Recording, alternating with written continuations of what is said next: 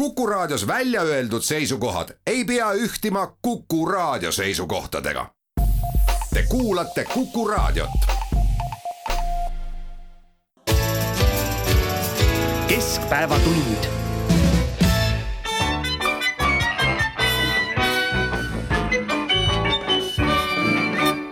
otsi lolli, kes ei kardaks kolli, kui jääb palju raha maitse suust. Raha mängib elus põhirolli, raha see on ja armastus. otsi lolli, kes ei kardaks kolli, kui jääb palju raha maitse suust. raha mängib elus põhirolli, raha see on ja armastus. kõrged mõtted seotud andmega, pole ilu ilma rahata. süüab magas sarve vahet süga, ega elult muud ei taha. Võib on sul ja igavene, elu lühikene, raha pikk. kell on vähe on natukene, sellel puudub helge, sellel puudub helge tulevik. Kommista Taliman, Talimi banaana. uudiseid koduvabariigist. tere, siin Kuku raadio Keskpäevatund ja Tallinna stuudios Marek Strandberg, kirjanik, ettevõtja ja reklaamiekspert Olav Osolin ja Priit Hõbemägi. Ja me kuulasime Olav Ehala rahalaulu, see on üks selline äh, ettekanne, mida äh, tasub meenutada, seepärast et selles laulavad Marju Kuut, kes kahjuks meie hulgast hiljuti lahkus Tõnu Kark ja Urmas Kibuspuu ja tuleb välja, et Marju Kuudi puhul on see veel täiesti erakordne esitus. Ja tere äh, päevast kõikidele. jah, nii palju, kui ma olen kuulnud, et äh, oli ta selle sisse laulnud ja siis äh, Rootsi sõitnud, et, et, et see vist jah, jäigi üheks selliseks mälestusväärseks tema, tema esituseks. Just nii, aga raha on alati oluline, alati, eriti siis, kui maailmas toimuvad kõiksugused asjad ja tarbijahinnaindeks lendab taevasse. Ja võib-olla kuna me muusikast hakkasime rääkima, räägimegi sellest, et kuidas artistid ja raha on seotud siis praeguse ajaga. nimelt on muutunud peaaegu selliseks üldnõutavaks reegliks, et iga vähegi tähelepanuväärne laulja, esitaja, muusik peab võtma oma seisukoha Ukraina sõja suhtes ja sel nädalal oli siis küsimuse all oli siis Elina Netšajeva, kes siis oma inter-, teleintervjuus ei võtnud esimesel korral selget vastust, võtnud selget seisukohta, et mida tema siis Putini sõjast Ukrainas arvab ja ütles, et tuleks teha muusikat, mis kõigile meeldib ja, ja rahu peaks valitsema, aga selle peale läks lahti, läks lahti omakorda väike sõda internetis ja sotsiaalmeedias ja ta sai kõikvõimalikke kindlasti mitte, mitte meeldivaid äh, kirjakesi selle kohta ja siis äh, Tšajev teatas, et ta on ikka tõsiselt, on ta selle sõja vastu. Ja Reet Linna on üks see artist, kes on hästi palju rääkinud nüüd viimasel ajal avalikkuses sellest, et äh, esinejad peaksid oma seisukoha võtma. Ja nüüd siis järgmine, see, kelle kohta kindlasti ka ajakirjanikud tunnevad huvi, mida tema arvab, on siis Anne Veski, kellel on ees tulemas ka Eestis suur kontsert, Anne Veski teatavasti on Venemaalt, Venemaa on tema suur turg ja ta on seal saanud ka selliseid mingisuguseid autasusid tubli esinemise eest, nii et äh, ootame põnevusega, et kuidas siis Anne Veski reageerib sellele avalikkuse nõudmisele. No kui sa nüüd tahad teada, et mida ma sellest kõigest arvan, siis see ei ole üldse unikaalne, et, et Eestis sellised asjad toimuvad, sest äh, sellised asjad toimuvad ka igal pool mujal maailmas, sest millegipärast on jah ja tekkinud nüüd selline olukord, et seda võib ka mõista, miks, kus avalikkus ootab äh, siis avaliku elu tegelastelt, sealhulgas siis ka äh, artistidelt äh,, sportlastelt ja, ja, ja teistelt et nad teeksid väga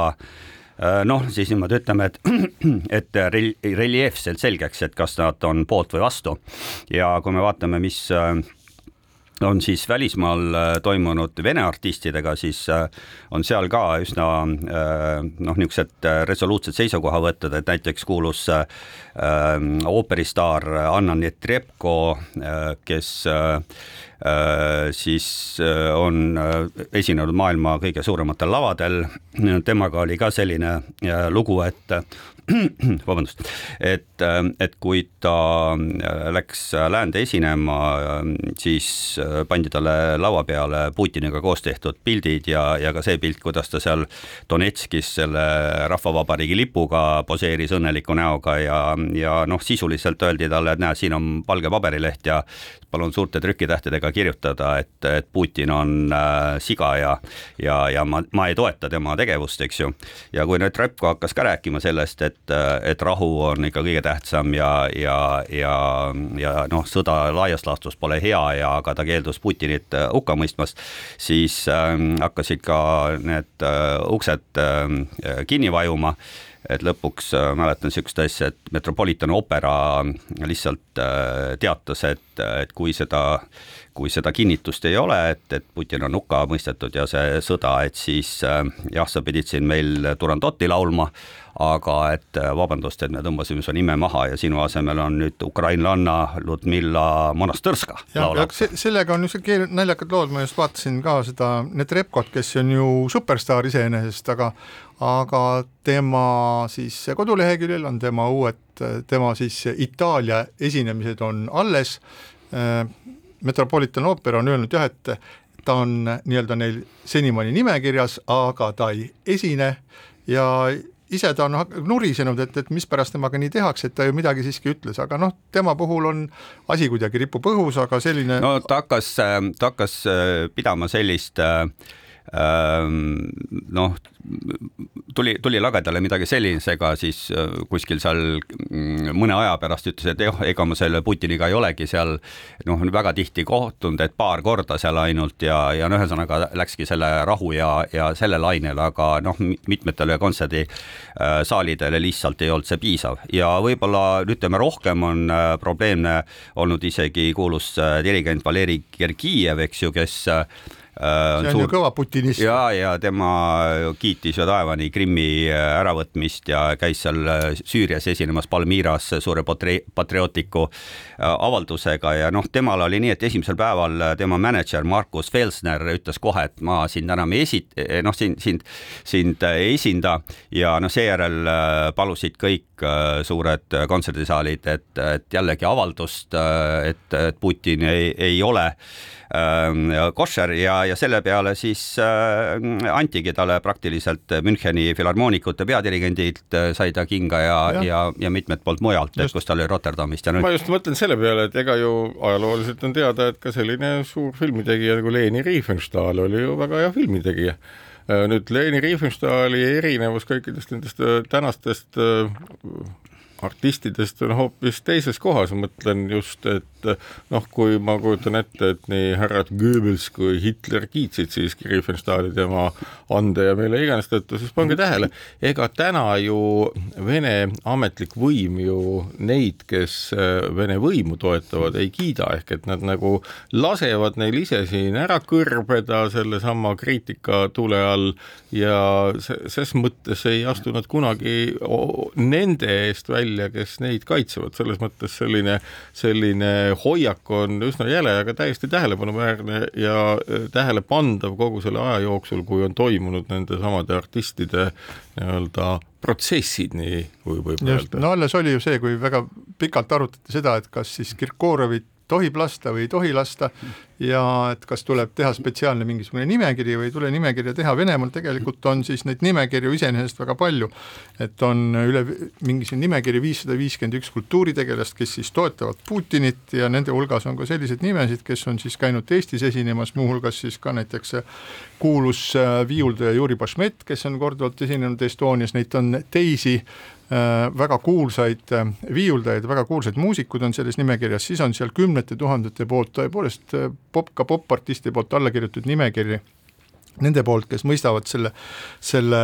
sõja hukka ja on ka neid, kes siis kuidagi kõiguvad nende kahe vahel, nii et paljude nende äh, kunstitegelaste suhtes on, see see on muidugi keeruline, et nad äh, saavad aru, et kui nende põhiturg on seal Venemaal, et ega nad mujalt seda raha ei, kuskilt ei ole neil võimalik saada, et nad nende kontserdid kaovad ära, aga samas selge see, et, et ei ole võimalik ka siin mängida sellist, sellist mängu, et sa ütled, nojah, ma natukene nagu, ma põhimõtteliselt natukene, mulle ei meeldi, kui süütuid inimesi maha lastakse ja vägistatakse naisi ja neid põlema pannakse, aga noh, et mul on siin siiski kaks kontserttuuri ees, et noh, et äh, on vaja ju ka osta vorsti ja vorsti, vorsti ja leiba ja et süüa on vaja, et siis ma natukene, ma, ma ei hakka päriselt praegu seda kõike hukka mõistma ja et Eestis äh, muidugi on artistidel lihtsam, sellepärast et väga vähestel artistidel on siiski äh, Venemaa turg üldse oluline. Ja selles mõttes kindlasti Anne Veski äh, on üks äh, nendest, äh, kes sinna turu peale ikka nagu vaatab ja noh, sellepärast mõist, võib ka mõista, et ta üritab siin kuidagi kirikut keset küla vaikselt niimoodi sättida enda jaoks, aga noh, ma, ma usun, et et eks see olegi igipõline mm, äh, vaidlus ju või, või arutpidamine selle üle, et kas kunsti ja, ja poliitikat tuleb lahus hoida või, või, või mitte. ja me ju keegi ei, ei usu tegelikult, et äh, Anne Veski oleks mingil moel äh, kuidagi Putini fänn või, või kõnniks seal üheksandal mail Venemaast saadud ordenid rinnas kodus marsisammul seal härra Beltšikovi ees, eks ju, vaid, vaid noh, pigem ta vaatab ikkagi puhtalt, et, et, et et ta laulud kõlaksid igal pool ja, ja, ja, ja ma ei usu, et Eesti inimesed nüüd siin ka ta laulud siin kuskile riiulile tõstavad, nagu mingisugusel nõukogude ajal siin juhtus sellesama Marju Kuudiga, mm, vaid, vaid, vaid ta laulud ikkagi kõlavad edasi ja, ja eks siis paistab, kuidas ta edaspidi siis avaldusi teeb või ei tee. jah, igal Tommy Cash on öelnud seda, et on sõjale oma sotsiaalmeediakontole, et on sõjaliste aktsioonide vastu, minu toetus läheb äh, Ukraina inimestele, lisaks venelastele, kes ei toeta seda invasiooni, kelle valik see polnud. ja, ja Tommy Cash isegi kutsus oma kontserditele äh, Ukraina pagulasi äh,, ütles, et ma panen kõik teid tasuta listi, et kui te annate mulle märku ja ehkki ta ise oli sunnitud Kiievis kontserdi ära jätma, aga ta jättis kontserdi ära ka Moskvas ja ja, ja siis äh, Valgevenes. ja mis puudutab nagu sportlasi, siis siin on nagu erinevad ju korraldajad käitunud erineval moel, et Wimbledonis näiteks öeldi venelastele ja, ja ukrainlastele ka, et teie siin ei mängi. samal ajal Stuttgardis ma vaatasin viimane kord äh, Anett Kontaveit mängis nii venelanna kui ka kui ka siis valgevenelanna vastu ja siis ühel pool oli Eesti lipp ja, ja, ja Estonia ja teisel pool oli ainult nimi Sabalenka ja see oli jäänud mõisteldada, kustkohast ta selline on välja karanud, et ehkki ta võitis Kontaveiti, siis ja kõik teavad, et ta on Valgevenes, siis mingit märku tema kohta ei olnud, et kust ta üldse tulnud on. Just, aga seda me saame näha, kuidas siis veel äh, Anne Veski, millise seisukoha ta see võtab. taolistes asjades on ka nagu narriks läheb asi siis, kui sa liiga kaua vaikid ja mida kauem sa vaikid olulises asjas, siis seda pingelisemalt oodatakse sinu vastust ja seda rohkem selle kallal nokitakse. no Gergijevi ma ütlen veel lõppu nii palju, et ma just lugesin üks päev, et et kuna kõik need kontserdisaalid läänes läksid tema jaoks äh, lukku, siis, äh, siis lõpuks jäi tal äh, võimalus siis ikkagi Venemaal tegutseda. Ja Putin kutsus ta enda juurde, ütles niimoodi, et, et nüüd Mariski teater, kus sa oled äh, peadirigent, et võta nüüd ka suur teater ja pane need kaks tükki kokku, nii nagu vanal õndsal tsaari ajal ja, ja, ja, ja noh, nagu tõenäoliselt ka sellepärast, et Suure teatri äh, siis äh, juht äh, oligi sellel samal positsioonil, et, et ei olnud päris selgelt äh, ütelnud, kas ta siis on poolt või vastu. jah, ja su-, ja siis Suure teatri primabaleriin otsustas lahkuda hoopis Hollandisse, sellepärast et talle ei meeldinud, meeldinud see sõda, aga aga kontsertide juurest kontserdisaalide juurde, et nüüd äh, on uueks äh, Muinsuskaitseameti juhiks on saanud äh, Liisa Pakosta, kes enne seda pidas või praegugi peab veel siis võrdõigusvoliniku või võrdsete õiguste voliniku ametit ja Liisa Pakosta üks esimesi väljaütlemisi, mis on siis äratanud suurt vastukaja, puudutab linnahalli, mis on ju selline koht, kus on omal ajal korduvalt esinenud siis äh, suured äh, vene staarid, ka Alla Pugatšova, kelle esinemise juures oli muuseas fotograafidel oli selline nõue, et teda ei tohi pildistada altpoolt lõuajoont, sest muidu jäävad lotid paistma, tuli pildistada kõrgemalt. Ja tuleb tema kiituseks öelda seda, et Pugatšova on otse mõistnud siis Venemaa agressiooni hukka selle, mis äh, Ukrainas toimub no ta elab vist praegu Iisraelis üldse koos Kalkiniga. no just nimelt. ja aga mis puudutab linnahalli, et äh, noh, Marek on kindlasti ka seal piisavalt palju olen, ring, olen, ringi olen. jalutanud, et mina äh, puutusin selle ehitisega kokku juba kaheksakümnendal aastal, siis kui seda ehitati. ma tegin siis seal olümpiareportaaže ja, ja siis käisin ka vaatamas, kuidas seda ehitati ja siis ma mäletan, et, et tol ajal räägiti, et, et jah, et no siin me kiiruga siin äh, peame selle püsti saama, et tulevad kohe kontserdid, noh kontserte midagi ei tulnud, eks ju, aga, aga jutt käis ka sellest, et sinna see suur lava äh, tuleb ilmatama uhke pneumaatiliste igasuguste tõstukitega ja sinna saab teha suure lavaaugu, kus on sümfooniaorkester ja sina usku, sina uskusid kõike seda juttu. ja, ja siis, ja siis öeldi niimoodi, et noh, kuna seda praegu kõike ei tulnud, et siis me ehitame siia ajutise puulava ja see ajutine puulava on seal siiamaani, eks ju, rotid jooksevad edasi-tagasi seal all. ja teine asi, mis on hilisemast ajast, eks ju, kui juba tulid, tuli juba krooniaeg ja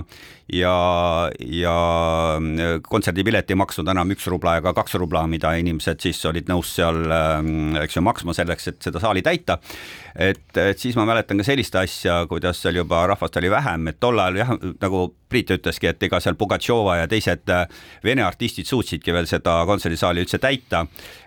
sest noh, siis kui Lasnamägi nagu kohale tuli, aga, aga ma mäletan ka seda, et et, et niisugust situatsiooni, kus seal administraator tuli, ütles, et oi-oi-oi, et ärge teie sinna koha peale mm, istuge praegu, et selle, et sellepärast, et ilmateade näitas just, et läheb sajuks ja ja sealt hakkab läbi sadama ja sinna me paneme alla ämbrid, eks ju. ja, ja see kõik toimus nagu show ajal, nii et, et, et et kui me nüüd paneme siia juurde viimase uudise nagu selle kohta, et sinna ei tohtinud enam noh, noored peale minna nööpi kontserdi ajal, sest jooksis kohale politsei, ütles, et oi-oi-oi, see kukub kõik kokku, kui te siin peal olete, siis noh, ma arvan, et et see tallinlane oleks väga tänulik Liisa Pakostale. nii, nii see on et kui, kui jah, et kui, kui see ära likvideeritakse, et ma arvan, et tänulikud oleks ka mitmed ametnikud, sealhulgas Mihhail Kõlvart, kes peab kogu aeg selle jamaga seal tegelema mul on muidugi ka üks vaade, eks ole, kui me, no ilmselt jääb linnahall nii-öelda kultuurimälestisena mällu selle tõttu, et sellises filmis nagu Tenet on seda korra kasutatud, noh, võib-olla on seal veel mingeid kangelaslikke mälestusi, aga kui me võtame jälle kultuurimälestised või noh, sellised, nagu nad ajaloos olnud on, siis need asjad, mida säilitada maksab või tasub või peab isegi, on siis mingid ehituskunsti nagu loomingud, tehnilised võtted, mis on unikaalsed ja mis püsivad ise üleval ja kui väike asi viltu läheb, noh, ma ei oska öelda, näiteks ütleme võlvidel lukukivid tuntsu, et nad kukuvad äkki kokku, et siis tuleb neid putitada, et see asi seisaks inimeste silme ees. nüüd linnahall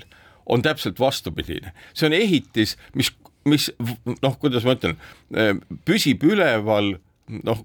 imenajal, mis on tõenäoliselt nagu liigselt kasutatud armatuur ja kusagile liiga palju pandud betooni ja mida iganes, sellel ei ole mitte mingisugust ehituskunstilist väärtust. tal on arhitektuurne väärtus, jah, see vorm on olemas, mis tähendab seda, et see vorm võib olla säilitatud kuidagi digitaalsel, virtuaalsel kujul, aga ehitusvõtete kogumis, mis seal kasutatud on, on see pigem nii-öelda ehituskunsti häbiplekk, mille nii-öelda üles vuntsimine ei anna mitte midagi. no kui võtta veel kolmandast aspektist seda, et milline võiks olla selle, selle koha tulevik, siis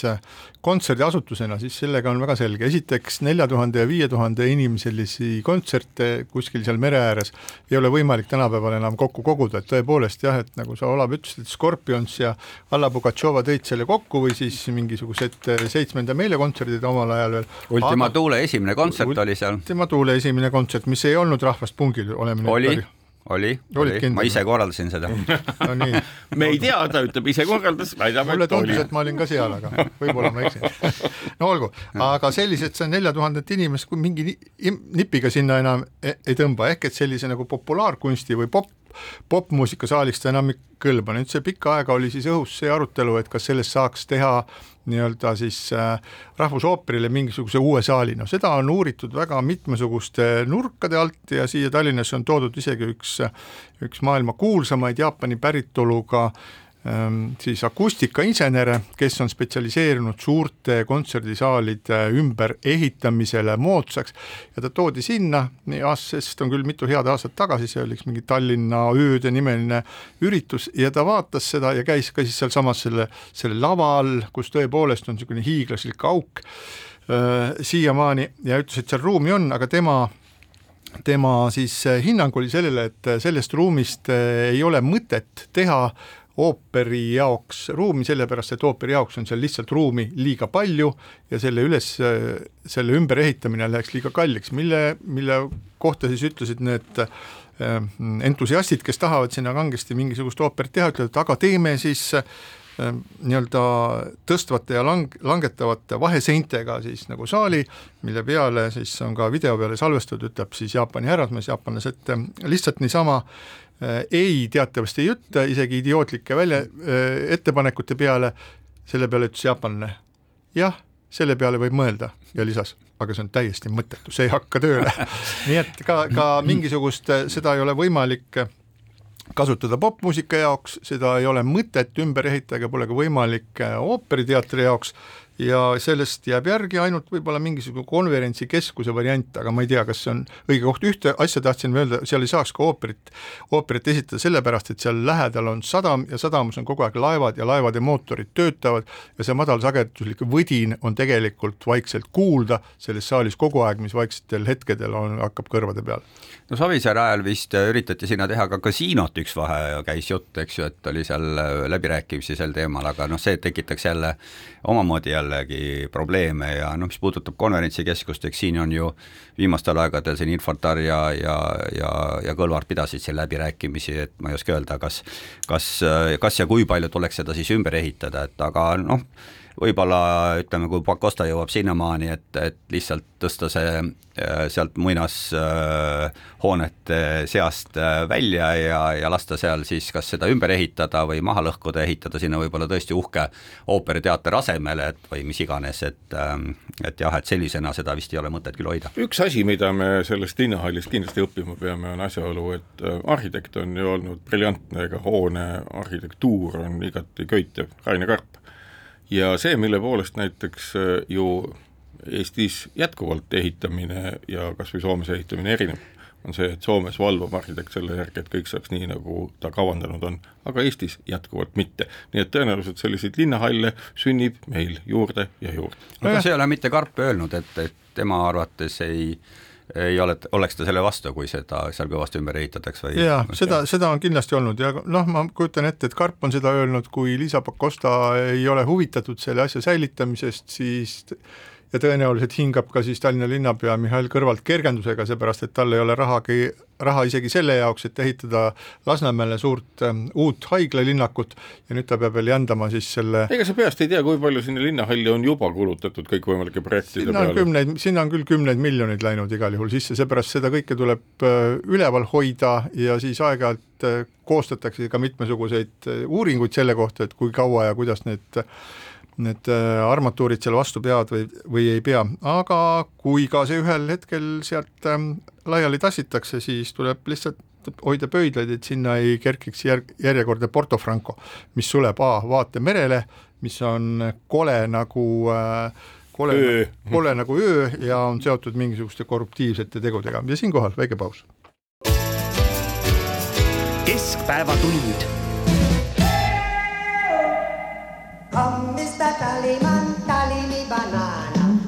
uudiseid koduvabariigist.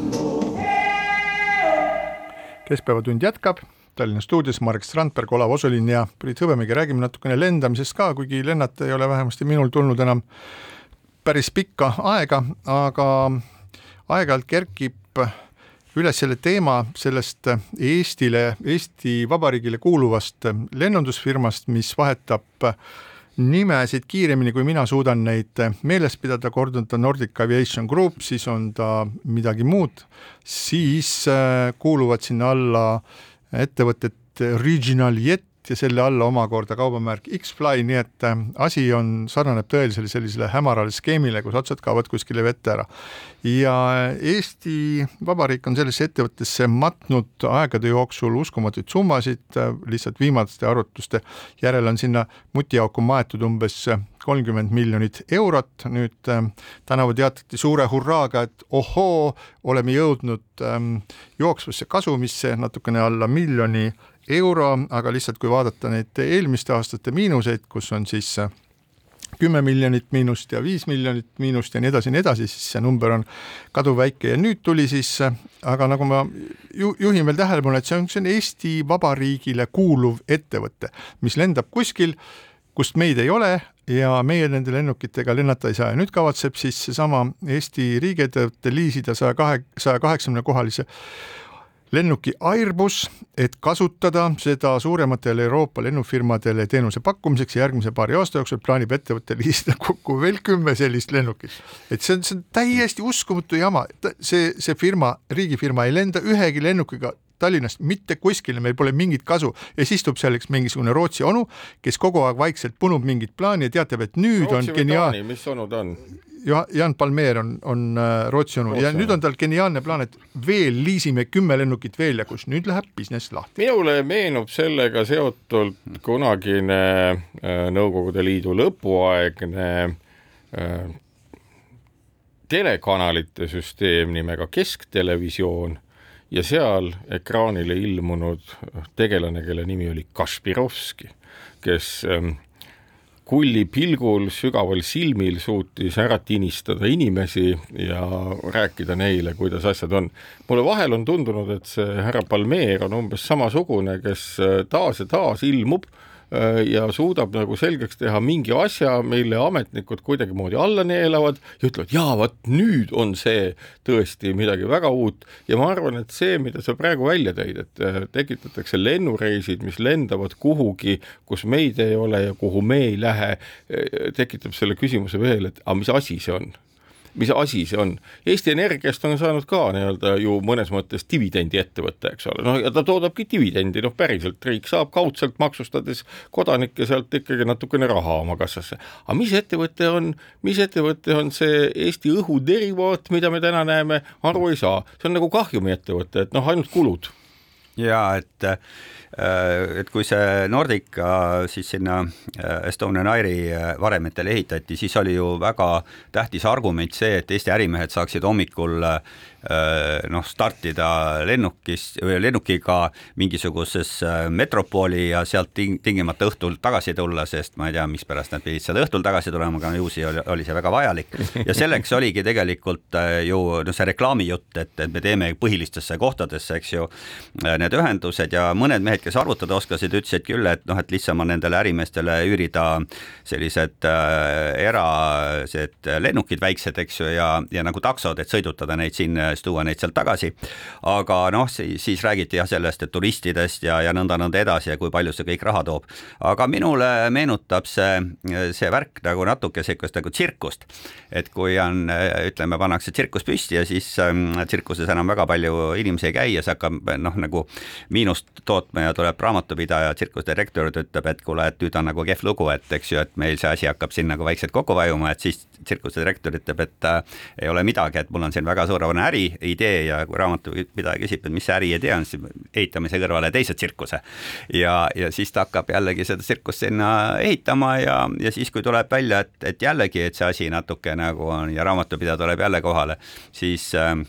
ütleb tsirkuse direktor, et ära nüüd jama, et me ei pane siin äh, seda kinni, vaid äh, ma tellisin just Indiast kakskümmend elevanti ja, ja noh, seda tulevad inimesed ikka vaatama. et, et see, see jätab mulle sellise mulje, et siis istuvadki seal tsirkuses ainsana need riigiametnikud, kes ei julge seda kinni panna, eks ju, et selle asemel, et võtta kirves ja lüüa need, need köied seal läbi ja öelda, et okei okay,, me võtame selle häbi vastu, et selle asemel lihtsalt öeldakse, no okei okay,, äkki siis käivad ikka inimesed neid, neid elevante vaatamas jah, ja Jan Palmeer, ma vaatasin viimastel andmetel, siis äh, teenis umbes äh, kakskümmend tuhat äh, eurot, eurot kuus, noh selle ja siis selle lisa... eest võib osta Eesti riigi rahaga kas või sada elevanti järjekordsesse tsirkusse, nii et noh, selles mõttes nagu kindlasti on ta ennast äh, kõikvõimalike lepingute ja muude asjadega ära kindlustanud. Ja üllatuslik on see, et kuidas see nii-öelda pidev tinistamine õnnestuda saab, et noh, absoluutselt kõik riiklikud institutsioonid, kes iganes, jäävadki uskuma selle inimese juttu, et täpselt nagu Olav ütles, et kui võtta veel midagi ja veel midagi, et siis saab veel parema tsirkuse see lendab veel kaugemale. see ongi täpselt nagu Monty Pythoni lendav tsirkus, see on kõige õigem nimetus sellele asjale, lendav tsirkus ehk Eesti järjekordne õhuettevõte. ja, aga ja mind on pannud alati nagu hämmastuma see, et et kuskil sellisel ettevõttel peab olema mingisugune noh, tundub, et mingisugune mõjukas toetaja, et ma mäletan, et kunagi oli siis peaminister Juhan Parts, kes hambad risti maksis kogu selle kupatuse kinni ja pani jälle kolmkümmend miljonit, teadis, et see läheb mutiauku, pani jälle kolmkümmend miljonit, pani huugama sinna, aga Juhan Parts ei ole pea ammu, Juhan Parts on ammu sinekuuril Brüsselis, aga kuskil on siiski mingid inimesed, kes nagu kui lauale tuleb paber, siis nagu mille peale, nurga peale on kirjutatud, see on see asi, mille nimi on Estonian Air, tegelikult, tegelikult parem selle asjaga praegu mitte tegeleda, et ükskõik milline, milline valitsus on, kas seal on Keskerakond, on seal Reformierakond, on seal Isamaa, on seal EKRE, aga millegipärast keegi ei taha puudutada seda vaata, see on nagu mõnes mõttes selline meem, mis kunagi ära ei kao, ehk et inimesed on harjunud ju mida iganes, et me, meesterahvad lipsu kaela panema ja lipsusõlme sõlmima ja ja see on sama lugu, et, et kõik sõlmivad lipsusõlme, panevad lipsu kaela ja, ja siis käivad sellega. et Estonian Air tundub olevat saavutanud ka, võib-olla Olav oskab seletada, et kuidas tekib selline meem, mis kuidagi ära ei kao. et noh, see on ka nagu meem, et igal juhul, et nagu, et mis te täna selga panete, noh, püksid jalga, särk selga ja nüüd veel, mis asi, lips kaela, mis on Estonian Air, muidu ma ei ole üldse mingi eestlane. no sa pead silmas siis Nordicat, aga, aga. jaa, õige, Nordica, juba on ta nimi Nordica, tsirkus nimega Nordica. aga noh, ütleme, kui me vaatame sellist noh, Nordica imidžit ja, ja, ja ja kogu seda tegevust, siis ju mingil etapil oli see väga huvitav, sellepärast et ma mäletan, kui me analüüsisime just reklaami poole pealt, et et et kuidas siis Nordica reklaami nagu suhtuda, siis, siis tundus nagu üks vahe, et, et see on täiesti ebaseaduslik ja mikspärast, sellepärast et Nordica ju vahendas tegelikult loti reise, et müüs loti pileteid, lott korraldas reise, lott vastutas nende reiside eest. Poola lennufirma siis. just ja, ja ja, ja tegelikult noh, nagu Nordical ei olnudki mitte midagi muud kui ainult reklaam, et, et, et selles mõttes me leidsime nagu, et, et oot-oot-oot, et kui see kompanii ütleb, et tule lenda Nordicaga noh, nagu Amsterdami, et siis ta tegelikult valetab, et tal ei ole üldse mingit lendu tal ei ole üldse mingisugust noh, mitte midagi, et oleks pidanud tegelikult ütlema nagu reklaamis nagu reisibüroo, et tule osta meie reisibüroost lotipilet, eks ju, ja Poola, poolakad viivad sind kenasti ähm, Amsterdami. kas see on midagi samasugust, et no põhimõtteliselt võib igaüks tänasel päeval atsetiilsalitüülhapet pakendada ja nimetada seda kuidas tahes, aga ainult Bayer tohib seda nimetada aspiriiniks, eks ütleme, see on ja. nagu ka nagu selline just nagu kaubamärgi vargus, mis toimus. ja aga mulle meeldib alati selline asi, mida Priit mainis, et ähm, see on äh, selline võluasi nagu ähm, jooksev kasum, et see on see, kui sa oled viiskümmend miljonit kuhugi sisse pannud, eks ju, ja siis kogu aeg aktsionärid äh, nutavad ja ütlevad, et jälle tuleb raha juurde panna ja siis saabub direktor, ütleb, et me oleme jooksvas kasumis, et me teenisime viis tuhat eurot seda võiks nimetada isegi teatud mõttes ta nagu omalaadseks Bonsi skeemiks, et noh, kogu aeg. ja, ja see annab sulle nagu õigustuse veel sinna kakskümmend miljonit panna, eks ju, sest aktsionärid vaatavad oi-oi-oi, et nina on juba vee peal, et tuleb hakata nagu, et asi on, läheb positiivseks. samamoodi toiminud Madoff või Madoff või Madoff või kuidas ta nime hääldatakse, on igal juhul Ameerikas jätkuvalt vangis, kes nii-öelda järgmiste rahade arvelt eelmistele huvilistele dividendi maksis. ja, aga sellel nädalal siis avaldati ohtralt mitmesuguseid tabeleid selle kohta, et kuidas siis kõrgemad riigiametnikud on ka teeninud kahe tuhande kahekümne esimesel aastal ja ja riigiametnikest teenis mullu enim siis Transpordiameti juht Kaido Padar, miks just peab Transpordiameti juht olema see inimene, kes Äh, kokkuvõttes teenib siis ähm, kogu palgana, kus on siis nii lisatasud kui ähm, töötasu, üle saja tuhande euro kuus, miks peab just Transpordiamet aastas esialgu. aasta, jaa, aastas, vabandust, jah. esialgu aastas. aastas äh, samal ajal kui äh, siis mitmesugused teised inimesed, kellest sõltuvad ka väga palju, saavad oluliselt vähem, võtame lihtsalt mõned näited siit, näiteks Riigi Infosüsteemi Amet, kaheksakümmend kolm tuhat eurot kuus Riigikohtu aastas. Aastas. ma tean oleks..., et su unistus on selline, aga see on veel aastas, vähe saavad. aastas, pärast, pärast lõikame välja, ma loodan, et nad ei äh, unusta kust sa seda välja lõikad pärast? Sa, sa, kordusest lõigatakse välja, aga võtame ametnike palgad siis äh, nii-öelda kohalikes omavalitsustes, kus on siis aastas saab linnapea Mihhail Kõrvalt seitse tuhat äh, kuus võtke mind, võtke mind maha eetrist. Ja seitse tuhat kakssada kakskümmend kuus ja mispärast annab siis Rahandusministeerium, kord annab kuu, kuus korda annab just, et tekitada eetris sellist segadust, see on ette planeeritud teadagi. ja, ja absoluutselt, aga jõuame börsi, börsiettevõtete juhtide teenistuseni siis, mis on äh, tippametnike omast suurem. Ja jõuame siin siis äh, näiteks LHV Grupi juht Madis Toomsalu, juhtkonnast Madis Toomsalu aastas koos lisatasuga nelisada nelikümmend neli tuhat ja võtame näiteks Paavo Nõgese Tallinkist aastas kakssada üheksakümmend neli tuhat ja sa küsid nagu, et miks see nii on või? ei, ma küsin, ei, ei Ekspress Grupi äh, juhatuse, Ekspress Grupi juhatuse esinaine Mari-Liis Rüütsalu tervitusi talle siis kakssada kakskümmend viis tuhat aastas ja noh, ja kui ma nüüd siia kõrvale panen siis selle tinistaja, selle Palmeeri, kelle töötasu praegu on umbes tõenäoliselt mingi kakskümmend viis tuhat, kes jõuab ka kuskile sinna kahesaja viiekümne, kahesaja viiekümne tuhandeni ja suudab aastas kulutada kümneid miljoneid kuskile ära ja on õnnelik, ta teeb makse millegi eest, mille üle ta on õnnelik. siis tegelikult tegelikult äh, ei saa ma sellest küll aru, nii et ma tahaks, et äh, Eesti Vabariigi tegelased saaksid aru, et see tuleks see, see imelik lennufirma, kes on tegelikult puuk, mis imeb kogu aeg raha, tuleks ühel hetkel kinni panna, aga nüüd äh, sain ka teateasja selle kohta, et kahjuks kodanik Medov suri aasta tagasi ja me ei saa teda kauem vangis hoida. ja siinkohal väike paus. keskpäevatund Hommista Taliman, Talimi banana. Uudiseid koduvabariigist. ja Keskpäevatund jätkab, olav osaline Marek Strandberg ja Priit Hõbemägi Kuku stuudios, aga veel lähme tagasi nende riigiametnike ja teiste igasuguste tegelaste palkade juurde, et kui ma vaatan riigiametnike kogupalkasid aastal ja aastas, siis ma näen, et Riigikohtu esimees Villu Kõve on kaheksakümmend tuhat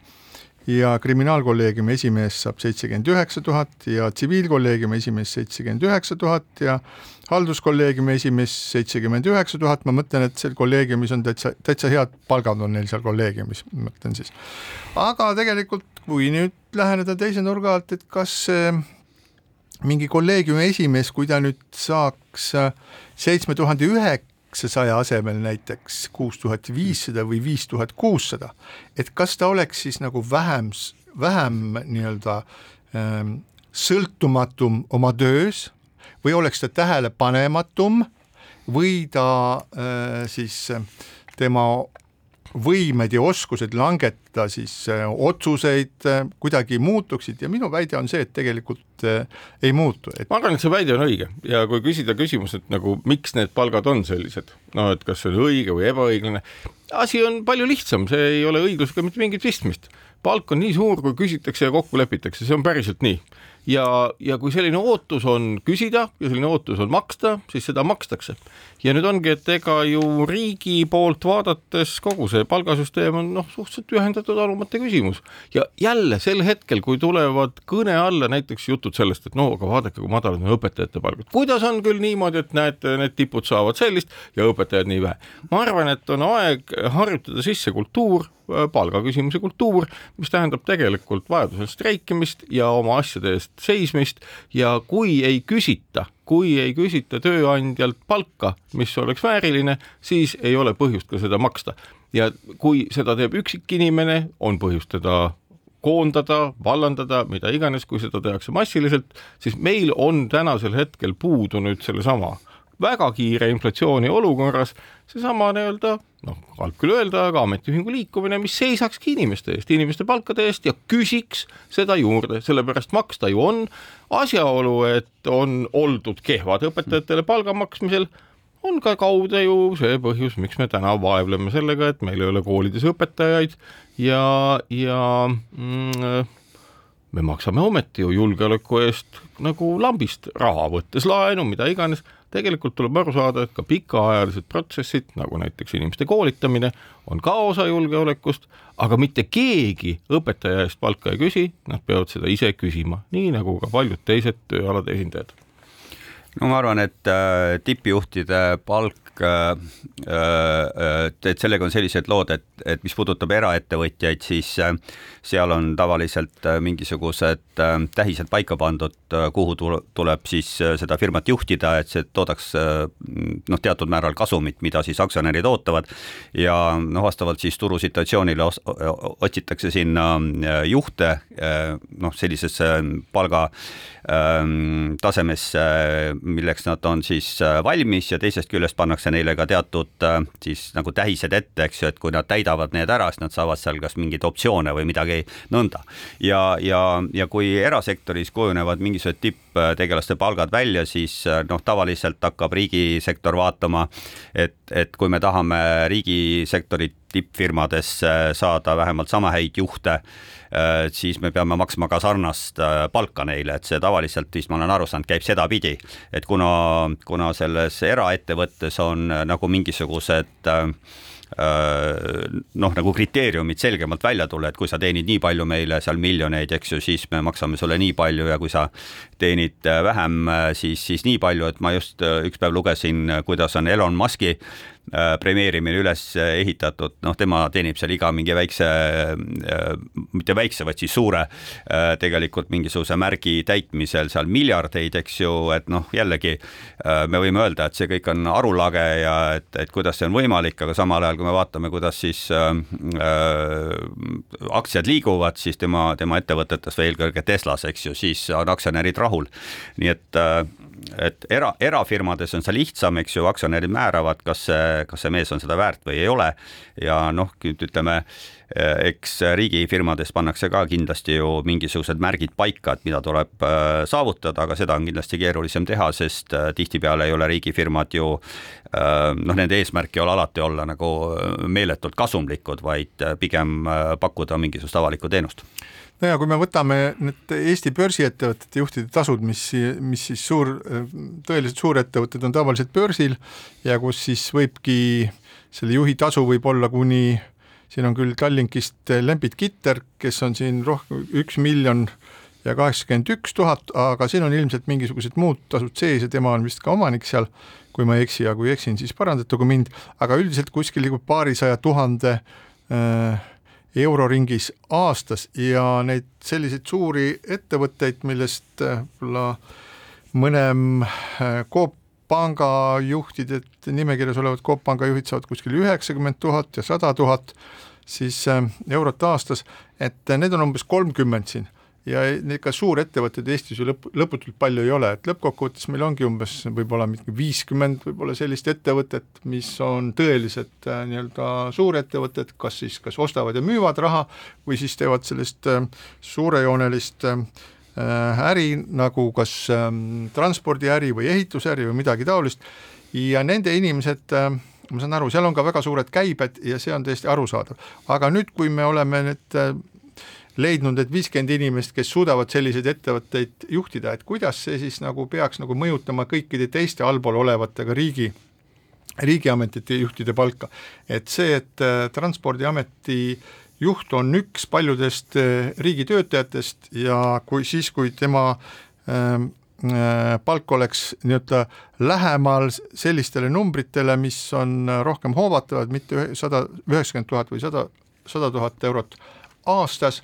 siis kas ta teeks halvemat tööd, ma mäletan, oli üks selline äh, psühholoogide katse oli, tõsi küll, mitte Transpordiameti juhtimisega, aga see oli siis müüri ladumisega, kus motiveeriti inimesi laduma paremat vuuki, makstes äh, parema kvaliteedist paremat raha. Ja ühel hetkel siis jõudiski kätte see, ähm, see olukord, kus raha enam ei motiveerinud, sellepärast et paremat tööd ei olnud lihtsalt võimalik teha, kõik need ressursid, mis sellel inimesel oma töö tegemiseks olid olemas, et need olid juba ära kasutatud. millega ma tahan öelda seda, et, et raha lisamine ei suurenda ega paranda lõputult selle töö kvaliteedi, mida see inimene teeb. jaa, aga see lahendab ja leevendab aina kasvavat rahavajadust mille põhjuseks on kõikvõimalikud muud ambitsioonid, mis inimestel on, nii et selles mõttes nagu see rahavajadus ja töö kvaliteet ongi see, mis koha, kuskil maal kokku põrkuvad. Jaa, aga noh, nii siis, kui ma veel nagu tihemini sõitsin Tallinkiga, millest ma palun muidugi Paavo Nõgeselt et äh, vabandust, et ma ei ole viimasel ajal saanud enam sõita, aga, aga siis ma alati imestasin, et, et kuidas see on võimalik, et niisuguses väikses Eestis ikkagi nii suured laevad liiguvad edasi-tagasi, kõik äh, mingid asjad punkavad seal peal ja ja et, et see on nagu ikka tõeline logistika, kuidas sinna on iga päev vaja mingisuguseid töötajaid, eks ju, kes tulevad ja teatavad, nad on haiged või, või mis iganes ja et, et see, see on amet, kus, kus on vaja head spetsialisti ja ma arvan, et täpselt samuti on head spetsialisti vaja äh, ka selleks, et meie maanteed oleksid sõidetavad äh, nii talvel kui, kui, kui suvel. Ja, ja samuti ka seda, et, et Riigikohtu seal kohtunikud oleksid korralikult kinni maksnud, et, et me ei pea seal kogu aeg mingi kohvriga käima seal seletamas, et, et, et kuidas ühte või teist asja tuleb siin sättida, eks ju, nagu see paljudes riikides ju on. Et, et selles mõttes ma isiklikult äh, ei ole küll selle palga asja spetsialist, aga noh, ma ei oleks nagu kade selle üle, kui tõeline selline hea spets, kelle tööd on ka näha, et, et seal et inimesed on rahul sellega, eks ju, et siis äh, põhimõtteliselt äh, kui näiteks keegi tuleks ja ütleks, et tõstame peaministril palka, eks ju, et ta on nii tublilt siin tegutsenud või, või mingil teisel tegelasel, siis äh, ei laseks küll vingu selle peale. No pea, peaministril ja peaministril, presidendil ja, ja valitsuse liikmete, nende palgad on, ütleks täiesti nagu vägagi tagasihoidlikud, sellist kuue-seitsme tuhande eh, euro ringis kuus ja selle selle kõr-, selle kõrval muidugi noh, ütleme trans-, Transpordiameti juht, kes teenib neist sisuliselt nagu kaks korda rohkem, et see tundub mulle selline nagu väga veidralt ähm, skaalast väljas olev. no nüüd sa nüüd liialdasid, et vist Padari palk vist on kuus enam-vähem vist põhipalk seitse pool ja ja Kallasel seitse koma kolm, nii et äh, et seitse tuhat viissada, seitse tuhat kolmsada eurot, et, et aga noh, selge, et see Transpordiameti äh, juhi palk peabki kõrge olema, sest Kaja Kallas sõidab ju mööda teed ja kui tee oleks halb, halb, siis, siis põhimõtteliselt siis oleks kuri kaelas. aga noh, see oli nali muidugi. jah, et no lõppkokkuvõttes võib ju ka minna siis äh, mingisuguse sellise süsteemi peale, mis, mis äh, mulle meeldiks, mulle meeldiks tegelikult see, kus äh, president ja valit-, valitsuse liikmed ja president on ka nii-öelda siis äh, rahaliselt, et nad on selgelt näha, et nad on ühiskonnas väga olulised inimesed. ja ma olen küll kuulnud siin äh, möödunud nädalal oligi selliseid, äh, kellegi poolt oli selliseid üleskutseid, et Riigikogu liikmeid ja et miks need Riigikogu liikmed meil tihtipeale on sellised, nagu just parajasti on, et nad on sellised, sellised sellepärast, et nad saavad liiga vähe tasu. et hoopis äh,, aga kvaliteet tõuseks oluliselt ettepanek oli umbes selline, see kõlas ka avalikkuses, et et noh, et kui praegu saab kuskil neli tuhat viissada keskmiselt või midagi taolist, aga et kui oleks nelikümmend viis tuhat? ei, neli, ei neliteist tuhat viissada, et siis oleks juba oh,, siis, siis oleks inimesel mm, nagu motivatsioon oleks teine, et siis ta ei peaks koju tassima endale võib-olla seal mingisugust nagu kohvimasinat. tassiks midagi suuremat. ei, peaks sõitma taksot või midagi taolist, noh, ega kitsi pidama selle töö kõrvalt, et siis see nagu lahendaks meie. ja inimese kvaliteet sõltub otseselt talle antava raha hulgast, seda no, me teame. ma Priidule soovitaks äh, siis äh, härra Taimar Peterkopi juurde minna, et kes on ju ka väga kõva, äh, kõva palgaga inimene, eks ju, et kes määrab nende riigiasutuste noh, konkursse korraldab ja nõnda edasi, et seda võikski talle nõu anda, et võtke siis igalt poolt palgad maha. kahtlemata olen ma selleks nõu andmiseks, et äh, kui Taimar võtab kõne mulle, et siis ma annan talle sellist nõu, nagu vaja on. helistage. jah, ja suur tänu, et kuulasite, niimoodi läks meie tänane saade, kohtume taas nädala pärast, kõike head keskpäevatund